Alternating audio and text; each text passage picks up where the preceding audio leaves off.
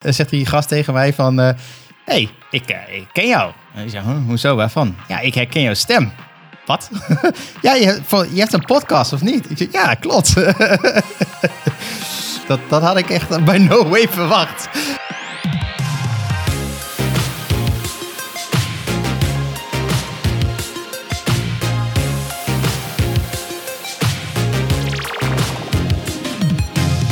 Welkom bij de Pixel Paranoid podcast. Ik ben Mikelle en samen met mijn co-host Rick gaan we alles behandelen rondom UX, UI en frontend development. En we're back! Dus het, is dit dan nu het vierde jaar? Of het, het is Eh, al wel, ja, seizoen 4. Ja, ja, jemig. ja, het is vier jaar. Het is eh, time flies. Eh, ja, dat gaat best wel hard. inderdaad. 58ste aflevering alweer. Ja, ja. Kwamen we net achter jij- omdat we site hebben aangepast en we nu weer gewoon tellen met nummers. Dus eh, Ja, vertel daar eens wat over. vertel daar eens wat over. Ja, nou ja, eh, ik heb de. We vallen gewoon midden in de, midden in de, de onderwerpen hier. Nee, het, eh, ik had de ambitie om in de zomervakantie de website aan te passen. Of te herschrijven eigenlijk. Het was een, de vorige keer was het een experiment van Timber met WordPress in combinatie met Tailwind. En ik dacht, Ja. nou laten we eens een keer weer wat anders gaan maken. Dus eh, ik heb er nu een 11T website van gemaakt. Oftewel een static website generator is dat. 11T hebben we, al wel, hebben we het al wel eens over gehad. Ja, Ehm, Waarbij we dus nu, ehm, als we een nieuwe markdown file maken. En in die markdown file geef je hem een titel en een aantal dingen mee. Ehm, en je commit dat naar de main branch. Dan trapt hij automatisch een deployment eh, script af die een build doet. En de website opnieuw genereert. En dus de nieuwe post aanmaakt. En dat dan ook automatisch deployt naar de productieomgeving. De website is nu echt super bare bones. Het is echt MVP'ers dat je kunt verzinnen, zeg maar. Want er kwamen wat dingen tussendoor, waardoor ik er geen tijd voor had om hem eh, heel fancy te maken. Dus eigenlijk is hij precies hetzelfde als, hij- zoals hij al was, alleen eh, ehm, Ja. nu in 11. Maar eh, nee, dat, eh, daar wil ik nog meer dingen mee doen. Maar dat komt. Dus eh, het, het was even een, een bevalling om alle WordPress posts over te zetten naar Markdown files. Misschien dat Ja. er wat voor was. Bedenk ik me nu nadat ik 58 heb omgezet. Maar ehm, het moest toch via mijn, ja, ja. mijn Markdown format die ik had bedacht om natuurlijk die posts te genereren. Dus ik denk niet dat ik daar sowieso heel veel mee had, eh, had bespaard. Maar ehm, Nee, oké. nou, het, het is nu een 11 website. Nice. En hij is echt rete snel. Hij, ja, hij scoort volgens mij, althans ik heb hem niet getest. Lokaal scoorde ik 98 op performance en 100, 100, 100 op accessibility en al die andere dingen. Ehm. Maar ik heb hem nog niet op productie nu eh, getest. Hij staat nog maar eh Ik, ik ook één nacht on- online. dus, ehm, dus dat. Ja, nice, nice. Ehm, ja, het is, het is niet een hele gestructureerde aflevering, denk ik. Maar dat maakt ook helemaal niet uit. We hebben wel wat, eh, wat leuke onderwerpen. Dat is natuurlijk best wel wat gebeurd in onze afwezigheid. En eh, ik heb wel één dingetje waar ik nog even kort over wil renten. Ik ga er niet te lang over door. Daar had ook heel veel over gezegd. Eh, dat is ChatGPT. Oh, En tell me more. nou ja, ik, ik merkte, wat mij opviel, is... eh, mensen zijn nu al een tijdje natuurlijk met ChatGPT aan het kloten. Sommigen zitten op versie 4 als je betaalt. Maar de grootste bult mensen zitten eigenlijk op 3.5. eh, want dat is de gratis versie. Ik moet zeggen, het wordt Ehm, ook niet ik- heel hard gepusht of zo. Als je niet weet dat het bestaat, dan... Nee, klopt. Klopt. Ze zijn daar inderdaad niet, niet, niet heel hard mee bezig of zo. En ik heb een tijdje lang eh, eh, een abonnement gehad.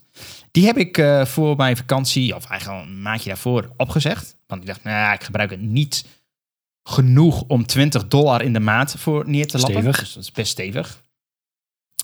Dus ik zit nu ook op 3.5. Ehm, en ik had ook wat discussie met mensen die het eigenlijk, die ChatGPT best wel vaak gebruiken. Of nee, niet vaak, regelmatig moet ik zeggen. Eh, en ik ben daar ook een van. Ik gebruik het regelmatig. Ehm, ik gebruik het wel heel specifiek voor dingen. Met name teksten. Daar is ChatGPT best wel gewoon goed in. Van, hey, ik heb een idee over wat ik wil schrijven. Maar kun jij dit eens wat netjes structureren? En dan krijg ik een, een, een voorbeeldje. En dan denk ik, oké, sure. Dat is voor 80% best oké. Ja. En dan ga ik dat ombakken naar iets wat ik Ja, nog meer Om even wat inspiratie te geven. Maar ik merkte dus vooral dat mensen nog steeds wel die bot benaderen alsof het zeg maar altijd de waarheid zou spreken en altijd gelijk heeft. Laat ik daar nou net een voorbeeld voor hebben. ja, Ik was namelijk voor de nieuwe website bezig om met Alpine.js iets te doen. Ehm, heb ik Ja. uiteindelijk niks mee gedaan. Maar ik was voor Alpine.js, wilde ik iets doen. En ik had geen zin om de hele documentatie door te nemen. Dus ik, had, ik stelde een vraag, hey, ik wil dit realiseren met Alpine.js, hoe moet dat? Nou, en ik had hem eerst een vraag gesteld voor iets anders over Alpine.js. Nou, ging hartstikke mooi, kwam iets uit, werkte perfect. Toen, dit was mijn tweede vraag. Ja. En toen kwam hij weer met een heel uitgebreid antwoord van, moet je dit gebruiken? Hij legt ook heel mooi uit van, dit doen we zus en dat doen we zo en bla bla. En dat halen we hiermee op en dan, nou, bla bla. Oké, dus ik implementeer dat. Ja, het werkte niet. Dus ik dacht, nou, dat is raar. Misschien heb ik iets stuk gemaakt. Nog een keer lezen, nog een keer checken. Variabelen, inspecten, de Alpine JS inspector erbij. En toen zag ik dat hij hem helemaal niet updaten. Dus ik dacht, nou, wat raar. Dus ik, die, ik, ik kende die functie die die aanroepte ook helemaal niet. Dus ik google op die functie. Bestaat helemaal niet. Dus ik zeg tegen ChatGPT, nou weet je, eh, ik krijg het niet werkend. En ik kan die functie, na, die functie die je aanroept ook niet vinden. Zegt hij, oh sorry, ik heb een foutje gemaakt. Die bestaat ook helemaal niet in eh Alpine JS. Eh, je moet zus en zo en dit en dat doen. Ik, eh, Oké, en wat hij toen mee kwam, dat klopte wel. Maar hij had gewoon een compleet een niet bestaand ding verzonnen, zeg maar. ja, Dat eh ja. Alpine JS heeft X, X-streepje en dan heb je X-on en X-bind en X van alles nog Ja, wat. ja. En hij had een X-scroll verzonnen, maar die lijkt helemaal niet te bestaan, zeg maar. Dat, ik weet niet hoe die daarbij komt. En volgens kwam hij wel met een goede oplossing hoe het wel moest, maar dat niet.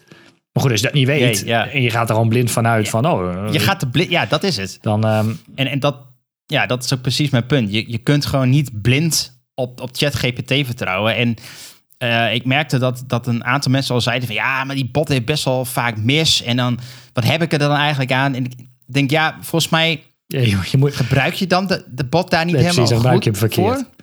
Ja, dat, het is een, het is een tool, zeg maar, die je kan helpen. Maar ook niet meer dan dat. Het is niet de oplossing, zeg maar. Het is niet de nieuwe Google of zo. Nee, nee, ik gebruik Eh, het dan dus inderdaad om vragen te stellen over dingen waar ik geen zin heb om de documentatie voor te lezen. Ja, Wat ik misschien ja. dus nu wel zou moeten doen. Maar eh, als je ergens wel enigszins verstand van hebt, dus je weet wel wat je verwacht, maar je weet misschien niet in welke volgorde of, of hoe je het moet structureren met programmeertalen of zo. Dan Ja, komt hij ja. met suggesties en denk je, oh, je moet het op die manier doen. En als hij dan, weet ik veel, lult hij uit zijn nek en dan ga je je eigen implementatie daaraan geven. Precies. Dan ja. werkt het top. Ja, eens. Dus ik denk, ik denk zeker, eh, het versnelt mijn, mijn werk op bepaalde vlakken echt wel. Dus het is nog steeds waardevol. Alleen het is niet een, een soort van encyclopedie die altijd gelijk heeft, zeg maar, of zo. Ehm, en ik denk dat mensen dat, dat gewoon moeten loslaten. En misschien de verwachtingen iets te hoog hebben neergezet. Ehm, ik moet wel zeggen dat versie 4 is wel wat... Ik wil zeggen, ja, accurater is gevaarlijk om te zeggen, maar heeft het vaker bij het rechte eind, om het zo te zeggen. En is ook wat genuanceerder. Ik, 3.5 is soms best wel eh, van letterlijk zo van, nou, dit is Ja, het, ja, zeg maar. Zo. En dan ga je er echt vanuit van, oké, als je niet verstand van het onderwerp hebt waar je, waar je mee overkletst, en je gaat ervan uit dat, dat ChatGPT gelijk heeft, dan is hij daar ook heel Stellig in. stellig in. En dat is bij 4 minder zo het geval. Die hebben ze echt wel getuned dat hij, nou, volgens mij is het zo. precies. weet je, niet het is zo, maar, het is genuanceerder. Ja. Ja, ja. Dus dat is, dat is wel interessant. hè. Ik, ik weet eigenlijk niet. Ik, ze waren in het begin best wel ijverig met dingen updaten en plugins en dat soort dingen. Ik, het is al een beetje een tijdje Ja, wat maar er stiller. worden dus ook overal eh rechtszaken aan de broek, eh, links en rechts. En, eh, Ja, want ze hebben dat niet helemaal handig gedaan met die, hoe ze hem gevoed hebben. Dat hebben ze ook soms gedaan zonder toestemming van bedrijven en partijen. Dus oeps. ik zag wel trouwens dat ze nu bezig zijn met. ze hebben natuurlijk ook DAL-I, Ja. de, de plaatjesgenerator. Eh, wat ik zag is dat een van de laatste versies, of waar ze nu mee bezig zijn, is die integratie in Chat- ChatGPT hangen. Dus dat jij via prompts nu ook DALI eh, antwoorden terug kan krijgen. Oké. Maar dat is wel in de betaalde versie. Check. Anyway, Nou, we gaan gaan door. Eh, wij waren naar een conferentie. Ja. Een hele leuke conferentie over front-end development en UX eh, dingen. Ik moet zeggen, ik ben bij eh menig conferentie geweest. En dat zijn altijd moeilijk, want je hebt veel uiteenlopende onderwerpen. Maar dit was echt allemaal spot-on front-end van de Ja. front-end, zeg maar. Eh, dus allemaal HTML, CSS en wat basic JavaScript en performance en heel veel toegankelijkheid. En inderdaad, Ja. eh, design systems en eh, customer journeys en experience en de hele, de hele reutemeteut, zeg maar. Ehm, het heet FrontConf. Het is volgend jaar weer eh, in Zwitserland. In Zurich. Ja. Aanrader als je daar... ehm, Ik, ik, ja, ik, ik vind het tot nu toe de beste conferentie waar ik ooit geweest ben. Oh. Qua eh, talks was gewoon echt spot on. We hebben Brad hij gezien. bestaat in het echt. Ja, gewoon al die Hij mensen waar we het hier over hebben. Stephanie Eccles en dat soort dingen over 11 Team Ja. blog en eh, CSS in real life. Die mensen bestaan gewoon in het echt. Amazing. Ja. Ze waren allemaal. De, de bedenker van eh Smashing Magazine Ja. was er. Hoe heet die? Friedman? Friedrich, ja, Ik- zoiets inderdaad. Nou ja, zoiets.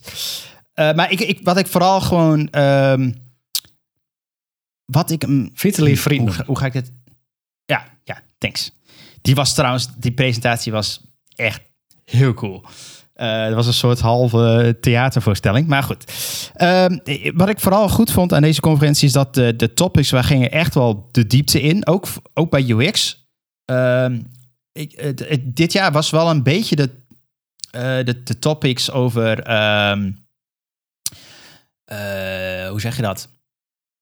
Eh, ja, een beetje het, het juiste doen, zeg maar. Als UX, als UX'er Oh, heb je best wel veel... eh, Ja, een beetje ethics inderdaad. Je hebt best wel veel power en macht. En eh, je kunt best wel dingen draaien. En er was een dame, een onderzoekster uit Duitsland.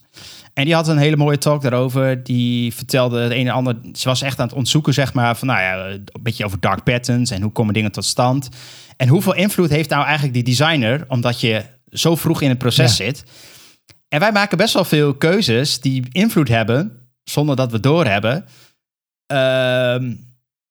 Eh, over, over wat, ja, waar, waar het, nou, het web naartoe gaat, zeg maar. En dat, dat, dat had ik nog nooit. Ja, tuurlijk, ik weet wel eh, waar het naartoe gaat, maar dat je daar zoveel invloed op hebt en dat je keuzes best wel belangrijk zijn en daar goed over na moet denken, dat is al een dingetje. En ze hadden het ook over goed research doen en dat je al heel snel een bias hebt als je een research doet voor bepaalde mensen, voor bepaalde rollen, voor bepaalde etniciteiten. En nou, dat was, was wel een, eh, even een talk waar je dacht van, hm, even nadenken. ja, Dus ehm, ja, design systems was heel uitgebreid. Heel graag uitgebreid heel veel bod. toegankelijkheid. En eigenlijk wij gingen bijna Ja. alle presentaties wel over holy shit, 2023 is het jaar waarin we gewoon super veel nieuwe CSS-functies krijgen. Eh hash ja. selector, popovers, dialogue elementen, search elementen, container queries. Was allemaal lyrisch. Ehm, eh, eh, fonds, van alles nog wat, nog wat. We zullen de komende afleveringen denk ik nog wel wat onderwerpen aanstippen. Maar er was een dame die eh, Ja. een... ehm, we hebben, eh, laatst hadden we de aflevering waar ik niet nog lettertype designers afkraakte. Van ja, hoe moeilijk kan het wezen? Nou, dat was best, best wel ingewikkeld. Maar goed, deze dame die was gespecialiseerd in het maken van lettertypes voor handgeschreven, ehm, handgeschreven lettertypes. Omzetten naar ja. ehm, ja, weblettertypes. Alleen, ja, en dan legde ze uit haar, hoe ze dat doet en haar struggles bij het. Ja, een handgeschreven lettertype heeft heel veel emotie, zeg maar. ehm, en heel veel karakter. Uh, hoe hard je met een pen op papier drukt en, en, en, en, en oneffenheden en dat soort dingen. En als je dat omzet naar, naar ja, pixels, dan krijg je dat niet. En ging ze uitleggen hoe ze dat dan alsnog voor elkaar heeft gekregen met, met afbeeldingen die ze had ingescand en van alles en nog wat. Super vet. En Het, het was wel even lekker nerden over, eh ja, over en, en er zijn echt Dat en dat er rete veel eh, CSS properties zijn om je en fonts dus die ook gewoon in je Oh, ja, in, ja. in het op het web werken, waarbij je dingen van fonts kunt aanpassen waar het echt ver buiten de font size, height, line height en dat soort dingen eh, gaat. Ja. Ehm, super cool, super cool. Ja. En, de, de, ja, en ik moet zeggen, de, de, de stad is... Ik vond het echt een heel toffe stad. En eh, de organisatie was ook echt rete goed. Eh, Ik denk ook echt qua eten Top. Amazing. ja, ja, precies. Echt, eh, Was dit die- ontbijt was er, lunch. Ja. eh, En nou, zo'n soort diner Ik bijna. moet zeggen, voor 600 euro, want je kunt nu tickets kopen trouwens. 600 euro kost volgens mij voor twee dagen. Met inderdaad eten Ja. en talks en, en nog een borrel daarna. Nou, vind ik geen gek, vind ik geen gek bedrag Nee. voor wat je ervoor Nee. krijgt. Zurich zelf is wel aan de prijs, maar ja, dat, ja, dat wel. eh, moet je even overleggen met je, met je werkgever. Of met jezelf. Maar eh, dat is, eh, dat, is- dat is echt een Aanrader. Dat was echt super cool. Dus Ja. volgend jaar, eh, Ja. volgens mij staat de datum nu alweer op eind augustus, begin september. Ehm, Ja, volgens mij. twee ook. dagen. Dus je kunt al En tickets zijn kopen. we daar, in middle of nowhere, Zurich, 200 mensen daar. Ko- komen we daar twee mensen tegen die jou herkennen van onze podcast. Ja. ja, dat was wel heel, heel grappig. Dat, dat had ik echt bij no way verwacht. Er, is, er zit iemand naast me. en, eh, ik wist zo überhaupt niet dat het een Nederlander was, want zoveel Nederlanders waren er niet. Volgens mij waren er een handje, handje Ja. vol. Eh, en zegt, die, zegt die gast tegen mij van... eh, hey, ik, eh, ik ken jou. En ik zeg, "Huh, hoezo, waarvan? Ja, ik herken jouw stem. Wat? ja, je, hebt- je hebt een podcast of niet? Ik zeg, ja, klopt. Ehm, ja, en het bleek, ze bleken nog bij onze oude werkgever eh, vandaan te komen. Dus dat is helemaal ja, eh, grappig. dat is uh, nou, kleine wereld opeens. Kleine wereld. Ja. Dus dat was Alright. Front Conference in Zurich. Yes. What else? Ehm, ik eh, kreeg een mailtje vorige week van een eh, Hayden Pickering. Want eh, onze Hayden die maakt nog steeds af en toe eens een keer een videootje. En dat doet hij altijd op een behoorlijk hilarische manier. En dat is ook een beetje... Volgens mij is die gast gewoon half psychopath of zo. ja, precies. Ja, het zijn wel een beetje psycho-achtige video's. eh. Maar hij heeft wel een. eh, zijn recente video gaat over accessibility overlays. Oftewel plugins, tools, widgets, whatever die mensen op hun of bedrijven, organisaties op hun website plaatsen om zogenaamde accessibility te verbeteren. Ehm, en hij kraakt ze, of maakt ze helemaal met een grond gelijk eigenlijk, denk ik wel. ja, Eh, dat het gewoon niet meer accessible wordt en soms zelfs tegen kan houden. En minder accessible. wordt. Dus dat is best wel een eye-opener. En ik zou zeggen, eh, ik zet hem in de, in de show notes, maar eh, bekijk hem even. Ik denk dat eh, veel mensen eh, daar wel wat, wat van ja, de website eh, waar hij ook nog naar refereert is eh, overlayfactsheet.com. Waarbij hij dus inderdaad een hele, een hele rits aan ehm, tools en websites eh, noemt die, ja, die eigenlijk ja, daar gebruik van, eh, van maken, misbruik van maken. De conclusie is eigenlijk als je Ja. website gewoon shit is, eh, dan is het niet zo'n kwestie van plugin installeren en je hebt een heel mooi tooltje rechtsonder in de hoek, waarbij je dan vervolgens je font size kunt vergroten en de lettertype en contrast kunt aanpassen. Ehm, want A, zijn een deel van die tools zelf al niet toegankelijk. En B, kan Nee. die tool... Nou, oké, hij zou je contrast kunnen verbeteren... door heel lelijk de achtergrond zwart te maken, de tekst wit, ik noem maar wat. Alleen echt Ja. de, de core basics, je heading structures en dat soort dingen... ehm, Ja, het, het wordt niet ineens magisch semantische Nee, precies. HTML. Het is gewoon ruk, dan blijft het ook ruk. Daar kwam het eigenlijk Ja. op neer. Dus eh, ja, Eh, interessante video. Zeker. Zeker, ja. Eh, ook tijdens onze afwezigheid gepubliceerd of uitgereleased Safari 17. Ehm, Zit in iOS 17 en komt binnenkort ook op je Mac. eh, als je update, volgens mij ja, ergens in oktober, dacht ik, op de laatste versie van, eh, van Mac OS X. Je kunt hem al nu al wel downloaden als Zit je niet, zit hij niet in die eh, Sanoma, eh, wat is het? Sanoma. Die, die nu uit Nee, die is? is, is die, nog, die is nog niet uit, toch? Ja, jawel, jawel, jawel. Er is nu een, een nieuwe macOS, zag ik. Nou, in die versie in ieder geval zit Sonoma. Ja.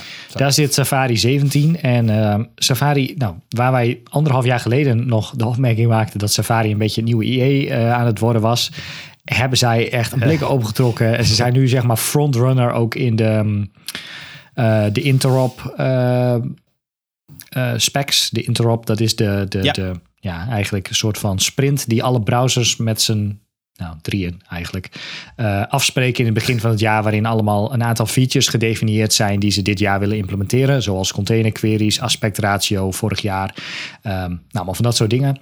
En een aantal daarvan die heeft eh, Safari eh, nu eigenlijk allemaal al afgevinkt. Ehm, zo hebben zij in Safari 17 beschikbaar gesteld het nieuwe search element. Hebben we het alles over gehad? Ehm, als je nu een search component maakt, dan heb je vaak een, een diffje die een role is search meegeeft met daarin een input van het type search. Ehm, er is nu een nieuw component, dat is letterlijk het search component, dus geen div of geen form, geen input. Het is letterlijk search en in een search kun je een input zetten. Ehm, dat search element is niks anders dan eigenlijk een div met een role search. Maar goed, uh, hij krijgt een aantal andere uh, dingetjes mee voor screenreaders en voor toegankelijkheid, dat hij um, beter herkenbaar is als een zoekbox. Dus dat is fijn. Um, verder, waar we ook presentaties over gehad hebben in Zurich, um, dialogues en popovers. Dialogues hebben we het ook al eens ja. over gehad. Native nieuw HTML-element. Waardoor je geen uh, nep diffje meer hoeft te maken die over je scherm heen valt. Z-index 999. Heb je nu gewoon een dialogue-element voor. Dus gewoon letterlijk dialogue. En die kun je gewoon openen. Die komt altijd boven alles uit. Kun je sluiten met escape. Heeft automatische focus trapping. Top ding. Er is nu ook een popover. Een popover, ik vind de naam ja, een beetje lastig. Ja. De, de, de ja. hele presentatie die wij kregen in, in Zurich was ook... Het is een beetje confusing, maar doe het denken aan een tooltip. Als je zo'n vraagtekentje hebt en je klikt erop en er komt zo'n klein boxje uit. Dat is eigenlijk een overlay, een popover. Hij valt over, als het goed is, alle content heen. Maar hij moet wel gewoon weggaan als je ernaast klikt of gaat scrollen of uh, iets, iets anders doet. Uh, maar die popovers die um, zijn nu ook native uh, beschikbaar. Het enige wat nog niet kan, en waar ze wel mee bezig zijn, is dat die popover zich ook positioneert op basis van het element waar jij hem triggert. Dat is een beetje het suffen nu. Uh, ja. Momenteel lijkt een popover en een dialogue lijken gewoon op elkaar. Hij staat in het midden van het scherm. Alleen de ene heeft een zwarte background en de andere heeft dat niet. terwijl je natuurlijk een popover als het een info tooltip is, wil je eigenlijk dat die staat bij het element die hem triggert. Maar dat komt er nog aan. Uh, dus nu moet je hem nog met JavaScript alsnog handmatig daar positioneren. Maar hij heeft wel alle toegankelijke specs uh, die hij zou moeten hebben. Um, what else? Ja, een hoop kleine dingen. Je kunt nu um, uh, HR'tjes, dus horizontal rules, zo'n streepje toevoegen in een, uh, select element. Dus als je een select dropdown hebt en je hebt daar items in en je wil die wat groeperen bijvoorbeeld, dan kun je daar nu een HR'tje tussen zetten, komt er een mooi lijntje tussen. En dan uh, nou, kun je je selectboxen wat, uh, wat fijner stylen. Wat Figma laatst heeft toegevoegd is dat jij, als je een lettertype hebt, die een hele rare baseline heeft, zeg maar. Dus dat, dat je typt en als het oh, heel ja, laag ja. is en als je er dan iets naast zet, ja. dat het dan helemaal niet uitlijnt. In Figma kun je nu kiezen voor een soort van trim whitespace heet het volgens mij. Dat hij dan zeg maar je font in het ja. midden zet en dat alles wel netjes uitlijnt. Nou, dat heeft Michelle heb jij heel mooi in een design gedaan. En kon ik in een browser vervolgens helemaal niks mee. Daar heb je nu een font size adjust property voor. Waarbij je dus inderdaad uh, de font size kunt adjusten op basis van de x height, oftewel de hoogte van de x, of op basis van de grootste uh, hoofdletter. En nog een aantal andere uh, dingetjes. Dus dat is ook wel fijn. Dat komt er ook uh, uh, aan in andere browsers. Ja, wat zit er nog meer in? Uh, ja, uh, hyphenation, hyphens. Dat uh, hebben ze een update oh, voor ja. uitgevoerd. Je kunt nu een hyphens character instellen. Um, dus je, als je niet wil dat hij afbreekt met een streepje, maar met een spatie, een komma, een smiley, I don't know. Ja, ja. Dat kun je instellen. Um, wat changes voor markers, dus standaard list styling, uh, kon je al een aantal marker dingen uh, meegeven. Alleen wat font size properties, daar kun je nu meer dingen aan meegeven. En een hoop toegankelijke fixes. Dus, um, oh, nog één ding. Ja, best, uh, best een lijst. De background image oh. set. Waar je in de HTML, als je een picture element hebt, uh, source kunt meegeven, meerdere sources kunt meegeven. Dus je hebt een, yeah. een image, dan zeg je van hey, dit is een JPEG, maar als je browser WebP ondersteunt, dan moet je WebP pakken. En als je AVIF ondersteunt, dan moet je AVIF pakken. Dat werkte niet in CSS mm -hmm. voor de background image property. Background image kon je altijd maar één ding aan meegeven. Of althans, je kon wel meerdere ja, background klopt. images meegeven, maar die ging die allemaal renderen.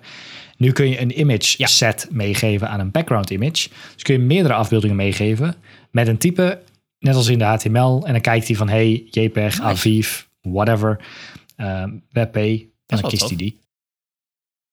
Dan hoef je niet meer een soort van nep te faken dat het een background image wordt, zeg maar, met gekke dingen, eh, positions, absolute. En Oh, van je image in de eh, HTML bedoel je? Nee, ja, nee, klopt. Ja, Ja, ja, ja. Het, ehm, nou, ben, Oh, nou moet ik zeggen dat ik Chill. wel steeds minder background images gebruik eigenlijk. Eigenlijk heb ik altijd, nee, Ja. als ik plaatjes of zo in ieder geval moet doen, dan zet ik het altijd gewoon in de HTML, want anders dan, Ja. ja. We gebruiken niet meer zoveel background images in het algemeen niet zo. nee, ik gebruik af en toe nog eens, eh, als ik en van die SVG's heb die ik als, als background image wil hebben, omdat redenen, Ja, dan eh, prak ik ze in zo'n data URI, Decoratieve. eh, zo'n base 64 Ja, ja, ja, encoded eh, SVG. Maar Ja. dan, ja, true. Oké, nou, dat was eh, Safari 17 maar eh, in het heel kort. flinke, flinke waslijst. Ehm, ik zit even naar, die, eh, naar dat Introp dashboard te kijken, ook ondertussen. Ik dacht even nieuwsgierig. Maar iedereen is wel, wel redelijk ver, zo te zien. Dat Einde van het jaar nadert het ook. Wel, Ja, ja dat, is, dat is waar. Firefox is eigenlijk de enige die nog een klein, klein beetje achterloopt. Maar die zit ook op 90 eh, procent. Dus heel ver lopen ze ook niet achter. cool. Nice. Ja, dat is eh, amazing. Wat, ik ben nu al benieuwd wat we volgend jaar krijgen. Er was trouwens ook, ja, ik blijf de hele tijd naar presentaties refereren, eh waar jullie niet bij waren. Maar er was ook nog een vraag van, hebben we nu zeg maar een soort eindstadium Oh. bereikt? Ehm, er was een presentatie van Rachel Andrews.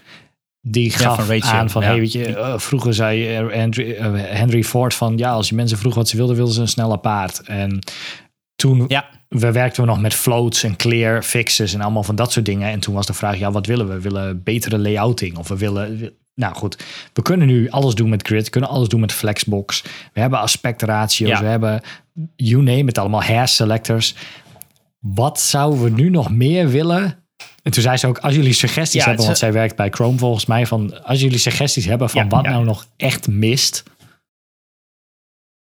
Nou, ik, wat, ik wel, wat ik wel sterk vond van, van haar vraag, maar ook wel hoe ze daar naartoe ging, is dat ze wel een beetje zei van, hey, we hebben jullie nu wel heel erg verwend met echt een, een shitload aan nieuwe features. Eh, hou daar ook rekening mee dat dit eindig is, zeg maar, qua de hoeveelheid. Eh, dus het kan ook maar zo zijn dat in de komende jaren maar misschien één of twee dingen. Want ze zei ook dat dat hele, ze legde uit, dat hele hash eh, selector, daar hebben ze tien jaar over ja, gedaan. Daar waren ze al sinds 2012 mee bezig of zo. Klopt. Ja, dus, dus dat is ook echt bizar lang. En we ineens magisch, of nou magisch, maar ineens krijgen we in één keer heel veel dingen tegelijk dit jaar. Dat was wel tof natuurlijk.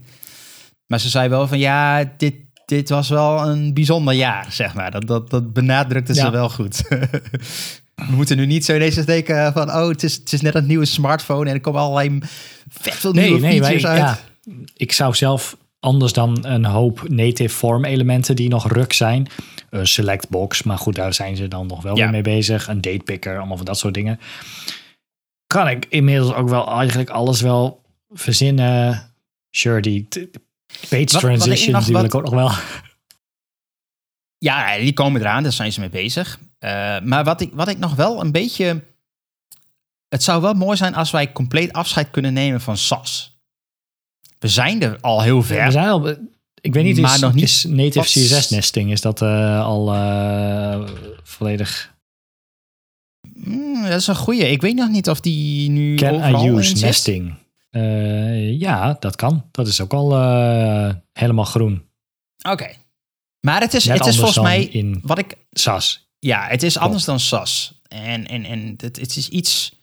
Nou, de, de- oh, dat is ook een kwestie van gewenning Ja, dat was het. En er zit wat vroeg andere... in de chat van, goh, wanneer heb jij dat gebruikt? Maar ik heb toen ik die 11 die website voor de Pixel Paranoia website wilde gebruiken, gebruikte ik, wilde ik eerst native nesting gebruiken. Ik dacht, waarom heb ik SAS nog nodig? Alleen Ja, mijn manier van SAS nesten, ehm, dat je dus met een ampersand en dan bijvoorbeeld streepje, streepje, modifier of zo, dat een beetje bam, ja, bam-stijl. dat nesten, dat werkt niet. Want dat is namelijk een SAS-feature. Nee. Sure, je kunt wel A, punt A en dan kun je er B in stoppen. Maar je kunt niet, hij pakt niet Ja. de parent class en plakt dat er dan vooraan, zeg maar. Toen dacht ik, ja, dan moet ik alles gaan Nee. duo uitschrijven, zeg maar. En daarom ben Ja. ik toen terug, alsnog teruggegaan naar SAS. Dat was het. Ja, dan moet ik wel zeggen, het is. dat dat hele BEM-manier is een manier. Dus, dus om dat nou vast te leggen in C6 gaat wel misschien wat ver. Maar ja, nou ja, ja, misschien zouden we daar nog wat mee kunnen. En ehm, volgens mij zijn ze wel mee bezig, maar ja, daar zijn ze mee bezig. Met dingen als loopen en zo over dingen heen. Dat komt. Ja, we krijgen wel echt veel. Hoor. Ja, het is... Damn. Niet erover nadenkt. Ja, maar als je ook uh, vijf jaar terugkijkt. Toen liep ik nog te kutten met Flexbox, wat nog maar half geïmplementeerd was en zo.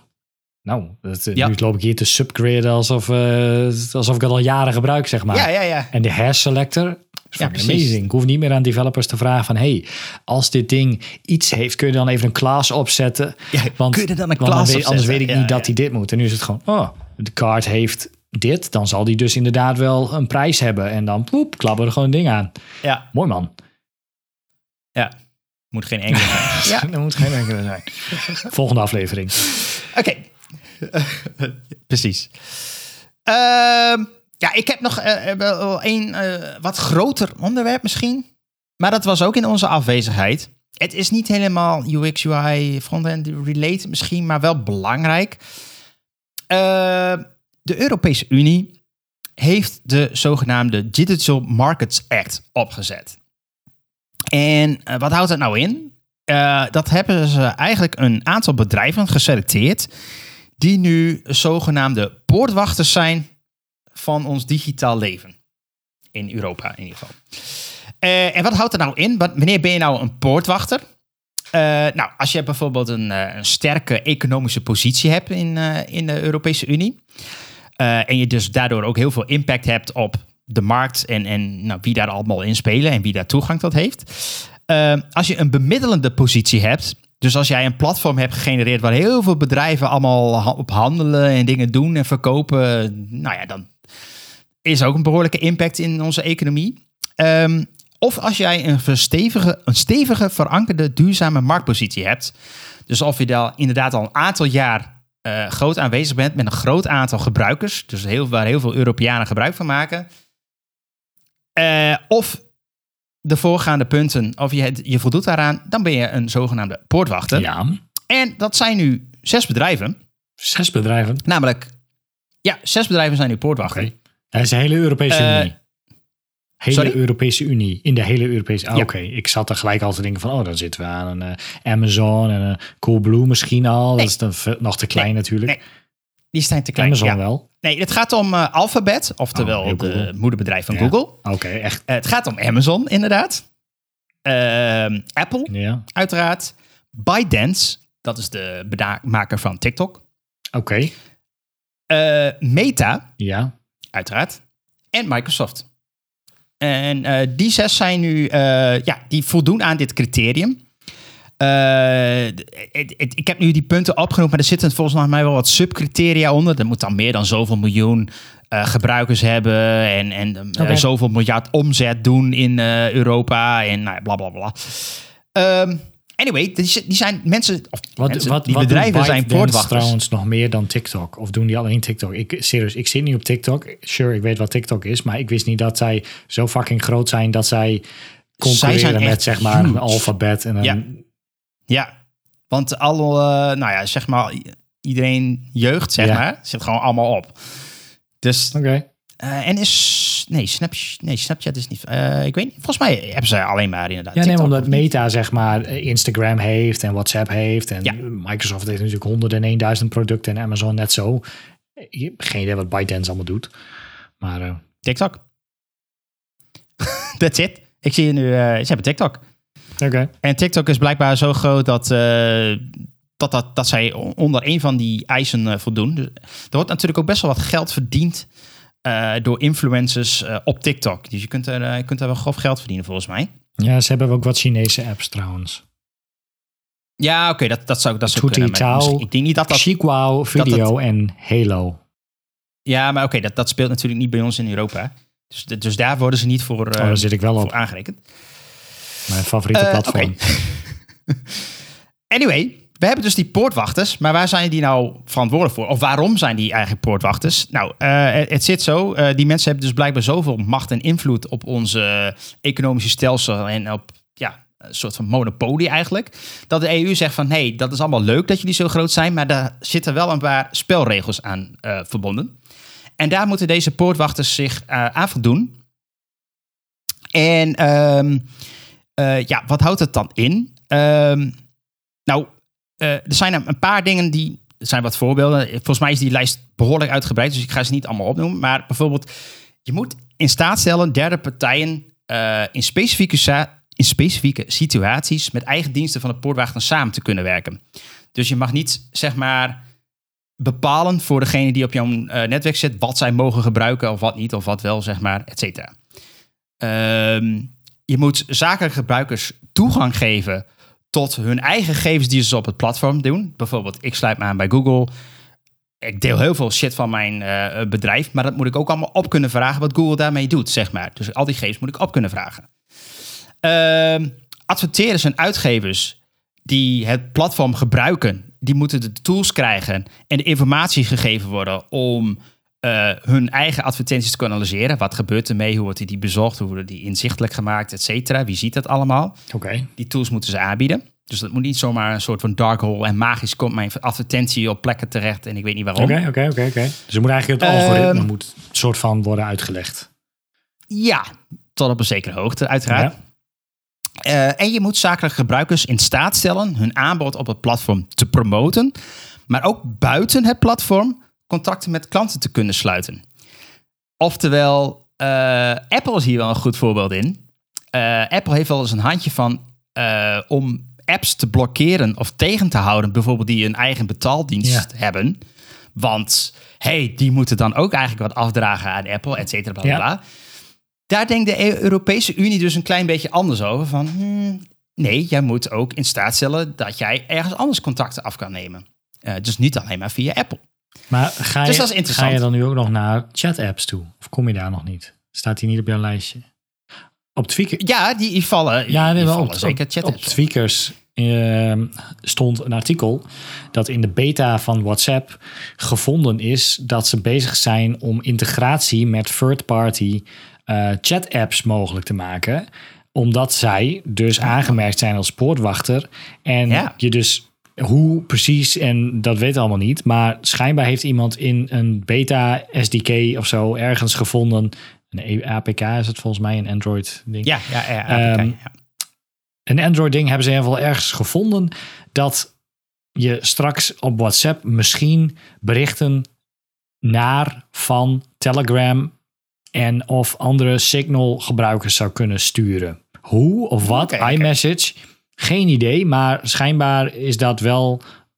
Ja. Zou dat reden kunnen zijn omdat ze aangemerkt zijn als poortwachter dat ze daar dus nu mee bezig zijn? Hoe dat zou moeten werken, Ja. weet ik niet. Maar dat zou inhouden dat iedereen op zijn eigen chat, favoriete chat-app zou kunnen werken en toch Ja. met elkaar zou kunnen berichten. Nou, zou fucking amazing zijn, maar Ja, dat, dat zou echt briljant zijn. ook eindelijk echt USB-C.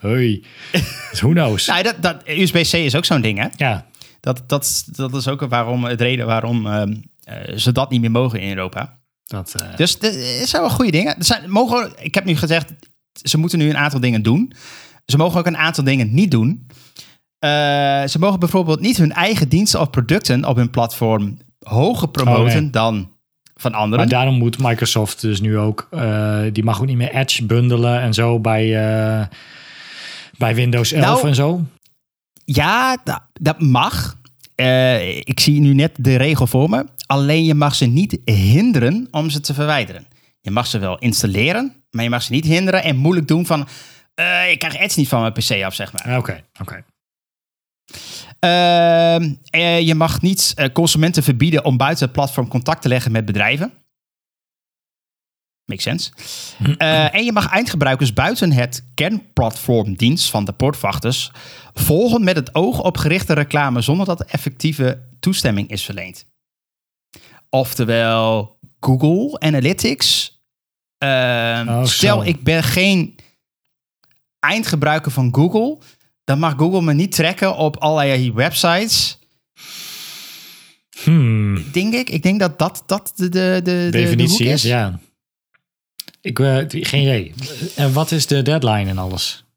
Ja, dat is een goeie. Ehm, de deadline is augustus 2024. Dus ze hebben nog eh, iets minder dan een jaar. Om daaraan te voldoen. Oké, ik ben heel benieuwd wat dat dan, eh, of we dan straks inderdaad eh, in de App Store diensten kunnen Ja. direct bij mensen kunnen afsluiten. En of we kunnen chatten door verschillende apps door elkaar heen en weet ik het allemaal. Ik, ik, weet het niet, dat is een goeie. En, maar eh, de, eh, als je dat niet doet, dat kan, daar kan je voor kiezen. Daar ligt wel een, eh, een boete op. En dat vond ik wel fors, want het is namelijk 10% van hun totale wereldwijde omzet. Dat is echt heel veel. Dat is voor Apple toen, is dat wel heel veel. Heel veel. En als je dat herhalend fout, de fout in gaat, dan kan het oplopen tot 20% van de totale wereldwijde omzet. Yikes. Wauw. Oké, Dus ik weet niet of er nu partijen gaan zijn die zeggen: weet je, stop er maar mee. Oké, Europa, goodbye. Ja, dat kan ook nog natuurlijk. Nee, fuck het. We gooien de handdoek in de ring. Verkopen geen iPhones meer. Trek alles, eh, de stekker eruit. Ja, eh, ik, vond, ik, ik vind het wel erg interessant dit. Dit is, dit is eh, heel goed voor ons als Europeanen. Nou ja, als EU Eh, niet over die USB-C was gaan mekkeren, dan hadden we nog steeds geen USB-C op iPhones gehad. True. True. maar wel op andere devices. En Ja. de- in Amerika, de grootste afnemende markt, denk ik, van iPhones en zo, hebben ze dus nu ook USB-C. Ze hadden nog kunnen zeggen, nee, jullie krijgen lekker Lightning. En Ja. EU-iPhones, die krijgen, krijgen USB-C. ik, ik, ik was nog even bang dat we dat alleen de Pro of zo eh USB-C zou Ja, krijgen. Of zo. Maar over USB-C gesproken, heel kort. Ik moet wel zeggen, de laatste shitty elektronische apparaten die ik ook maar ergens krijg of heb gekocht, hebben allemaal USB-C nu. En dat is wel echt Ja. chill hoor. Gewoon echt maar al die Ja. rommel van de Action en weet ik het allemaal, van die buitenlampjes en dat soort shit. Van USB-C, chill, in plaats van micro-USB of, of een andere vage barrel jack connector of zo. ja, ja, ja, ja. Dat eh, hele vooruitgang. Nice. Oké, nou, we, eh, we houden dit in de gaten, eh, wat eruit gaat rollen. Nou, dan eh, denk ik dat we deze aflevering hierbij laten. En dan gaan we het- de rest van de lijst in eh, komende afleveringen behandelen. Zeker. Ehm, een voeter. Heb jij nog een, een tip opgedaan deze vakantie? Ja, ik, eh, ik heb wel een tipje. Ik heb, eh, ik, ik dacht, ik, ik had ooit een PlayStation 5 gekocht. In een verveling. Ja. Daar heb ik heel veel moeite voor moeten doen En toen. nu, nu kun je ze gewoon krijgen Eh, gratis bij. Een volle spaarkaart. Eh, Nu wel, ja, nu wel. Eh, maar, toen was, eh, was het niet aan te komen. Maar dat is me gelukt. Maar hij, moet ik ook eerlijk zeggen, hij stond alweer even een tijdje wat stof te happen. Dus ik dacht een, een, nou, een maandje geleden van, hey, laat ik dat ding eens weer aanslingeren. En laat ik eens een, een tof spel gaan spelen. En toen heb ik Stray gekocht. Stray is een spel, ja, soort, wat is het? Een platformspel? Nou ja, het is niet helemaal platform. Je bent een kat. Eh, een, een, een zwerfkat, Stray. Ehm, en eh, je moet eh, in een ondergrondse stad allerlei dingen doen. Mensen helpen. Nou, niet mensen, eigenlijk robots helpen. Een hele, een, een hele civilization helpen om de wereld weer te zien. Dat is eigenlijk wel in het kort. Oké. Eh, maar het is heel leuk. Dus je, je bent een kat en je kan miauwen met een knop. En je Oh, kan eh, af en toe eh, oh, een tapijt krabben. En je kan, zoals een kat dat doet, dingen vanaf een randje duwen. Dat is wel leuk gedaan. De sfeer is echt super tof. Het is echt een hele leuke game. Het is niet moeilijk, maar er zitten wel leuke puzzeltjes in. Ehm, en ehm, ja, aanraden. Het is ook, eh, op PlayStation was hij twee tientjes. Ik weet niet wat hij op Steam kost. Volgens mij ook zoiets. 27,99. Ja, oké. Maar eh, je kunt Dus, vast ergens via zo'n dat je- key-ding... eh, ja, je kan vast een key-website opzoeken en dan kost hij nog maar een tientje of zo. I don't know. Aanraden. Leuk, leuk spel. Ik, ik heb denk ik nu... Hoeveel uur heb ik erin zitten? Ik denk zes uur of zo. En ik ben denk ik op drie kwart. Dus het is niet een Oh, mega ja, oké. lang Het is spel. niet, eh, ik ben net door de intro van Starfield heen. Ik zit op 18 uur volgens mij. Ja, ja, precies. Dus eh, dat is iets... Maar eh, nee, Stray. En het zit op PlayStation, volgens mij Xbox, Steam, voor mij overal. Dus aanraden. Ja, niet op eh, Xbox Game Pass Ultimate Deluxe Mega Oh. Edition, zag ik. Want dat heb ik dan nu gekocht voor Starfield. Maar dat is ook Ah. weer een, voor een andere aflevering. Oké, nou, eh, Stray. Stray, het spel. Ik, eh, ik- een collega van ons die vertelde ehm, dat zijn vrouw huilend voor de tv zat ehm, toen ze dit aan het spelen was. Oh. ja, het is, het, is, het, is, het is wel leuk gedaan. Dit is, oké. Ja. Check. Ehm, mijn tip is, dit is niet gesponsord, geen financieel advies, dat soort dingen.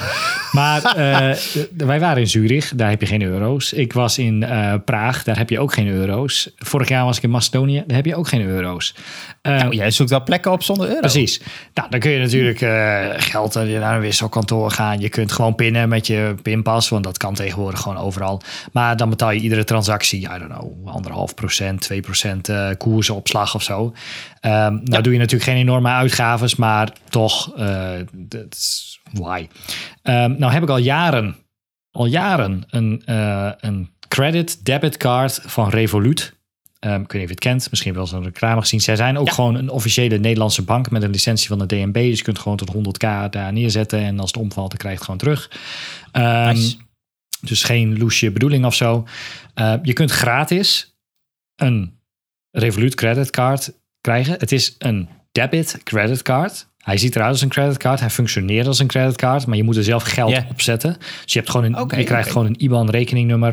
Je kunt gewoon geld naar jezelf overmaken. Je kunt ook met uh, Apple Pay of whatever op je telefoon gelijk uh, met Ideal gewoon geld direct naar jezelf overmaken, zeg maar. Dus je hoeft yeah, niet oldschool yeah. over te maken.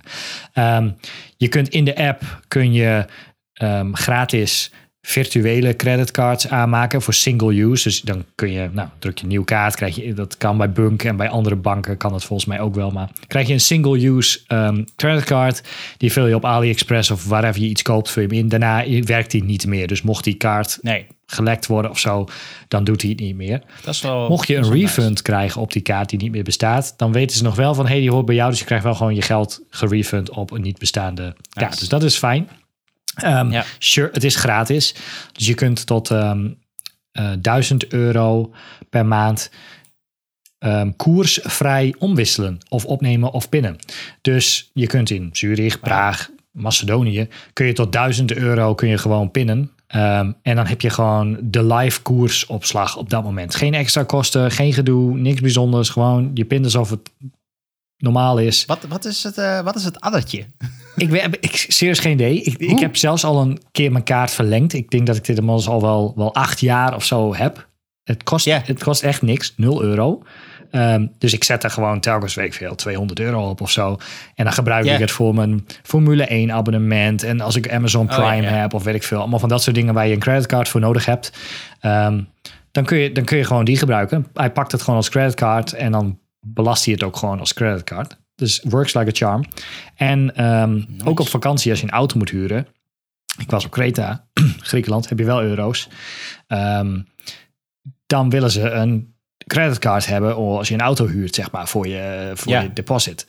Ja, ik heb geen creditcard, anders dan mijn Revolutkaart. Dus ik flikker daar gewoon ik weet niet of het nodig is, maar ik had er 800 euro op gezet of zo. Nou, geef die man zijn creditcard, die man doet sweep en dan that's it zeg maar. Hij, hij blokkeert niet, hij, hij reserveert geen geld of zoiets dergelijks of dat soort ongein. Nee, nee, nee. Maar um, nee, ja, Revolut. Ze, ze hebben ook een betaal, betaalde um, tiers. Um, ja. Een metalen kaart natuurlijk en een, een medium kaart.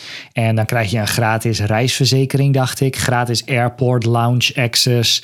Um, gratis crypto kopen. Nou, ze, ze, hebben een heel, heel pakket met dingen die erbij in zitten. Um, het kost volgens mij 7,99 per maand en 12,99 per maand. Um, wat ik zei, het is gewoon een officiële Nederlandse bank. Dus je kunt ook yeah. zeggen, hey, ik ga gewoon daar mijn volledige betaalrekening doen. Ik betaal 7,99 per maand, wat natuurlijk wel een stuk meer is dan, know, 2,5 euro die 3 euro die ik nu betaal. Ja. Maar krijg je er wel een gratis reisverzekering, inboedelverzekering, refund tot 100 dagen na aankoop. Over dat soort ongein krijg je erbij. Maar um, ik gebruik het gewoon voor als ik op vakantie ben of ik heb ergens een creditcard voor nodig uh, en ik heb geen creditcard. Dan um, gebruik ik uh, die Revolutkaart. Dus. Damn, ik, ik, ik moet hier toch maar even naar kijken. Want Zo'n creditcard. Ik wat ik betaal voor ja, mijn creditcard. 60, 80 euro per jaar of zo, of meer, I don't know. Ja, het, zit inderdaad wel wat. Plus je uh, moet dan alsnog dus rente betalen over omzet, dingen, weet ik veel. Dat is zo ongein. En ik vind dit echt super chill. Dus als ik iets moet betalen in dollars, dan kun je gewoon euro's erop zetten. En dan ja. rekent hij het gewoon één op één tegen de op dat moment secondekoers om zeg maar tot 1000 euro ja. per maand. En je kunt tot 400 euro pinnen. Nou ja, wie de fuck pint er nog? Um, ja. Nice. Ik, uh, oké. Okay. Ja, is, eh, en, en het doosje wat je krijgt waarin die kaart zit. Doosje, dat Ja. is een envelop ding. Heel grappig. Dan trek je hem open en dan klapt die kaart zo wee eruit. Ik heb hem zelfs nog bewaard omdat ik hem zo leuk vond. Ja, ik heb hem nu maar weggegooid. Ik zie dat ze eh, ook wel hele awesome eh, metal kaarten hebben inderdaad. Klopt. Dan, en dan krijg je dus die airport lounge erbij. Maar goed, ik vlieg wel, maar niet op plekken waar, niet zo vaak, op plekken nee. waar ze airport lounges hebben, zeg maar. Dat, t- zeg maar, als je vaker naar, I don't know, Dubai vliegt voor je tussenstop en je moet Ja, dan ja, even chillen in de airport lounge met gratis eten en dat soort dingen, dan, dan kan dit misschien uit. Maar als je vliegt van airport Eelde in Groningen naar eh, Kreta, dan hebben ze daar geen airport lounge. Ik zie ook, die kost even, die metal card kost even 19 euro per maand. Ja, dat nou, is 19. wel... oh, Er stevig. zitten nog wat dingen tussen, tussenin, van 12 en 7 of zo. Geen idee. Maar de gratis ding Ja. is, de, de simpelste versie is gratis. Werkt top, Nice. Goeie tip. dacht ik. Alright. Eh, mocht je deze aflevering nou horen en denken van, ah, daar wil ik meer van weten, of ik wil volgende keer op de hoogte gehouden worden als er een nieuwe aflevering is. Eh, dat kan in elke podcast app die je maar eh, kunt vinden. Wij zijn er wel op aanwezig. Eh, zoek dan even naar Pixel Paranoia en dan kom je ons wel tegen. Mocht je nou ons met ons willen chatten, want ook in onze afwezigheid zijn we gewoon lekker door gaan chatten. Dat kan op Telegram. Eh, ook wederom, zoek daar even op Pixel Paranoia. En mocht je een keer in de aflevering willen, Misschien vanaf volgend jaar ook. gewoon wel op WhatsApp. Via Telegram. who knows? Ja, het Who knows? Wel niet gaan doen. Eh, dan kan dat via Telegram, uiteraard. Of misschien inderdaad via WhatsApp dan. Of ga naar de website pixelparent.com. En daar staat ons e-mailadres wel op. Komt helemaal goed. Zeker, doen we Dat dat. wil ik zeggen. Tot de volgende Doei, keer. Hoi.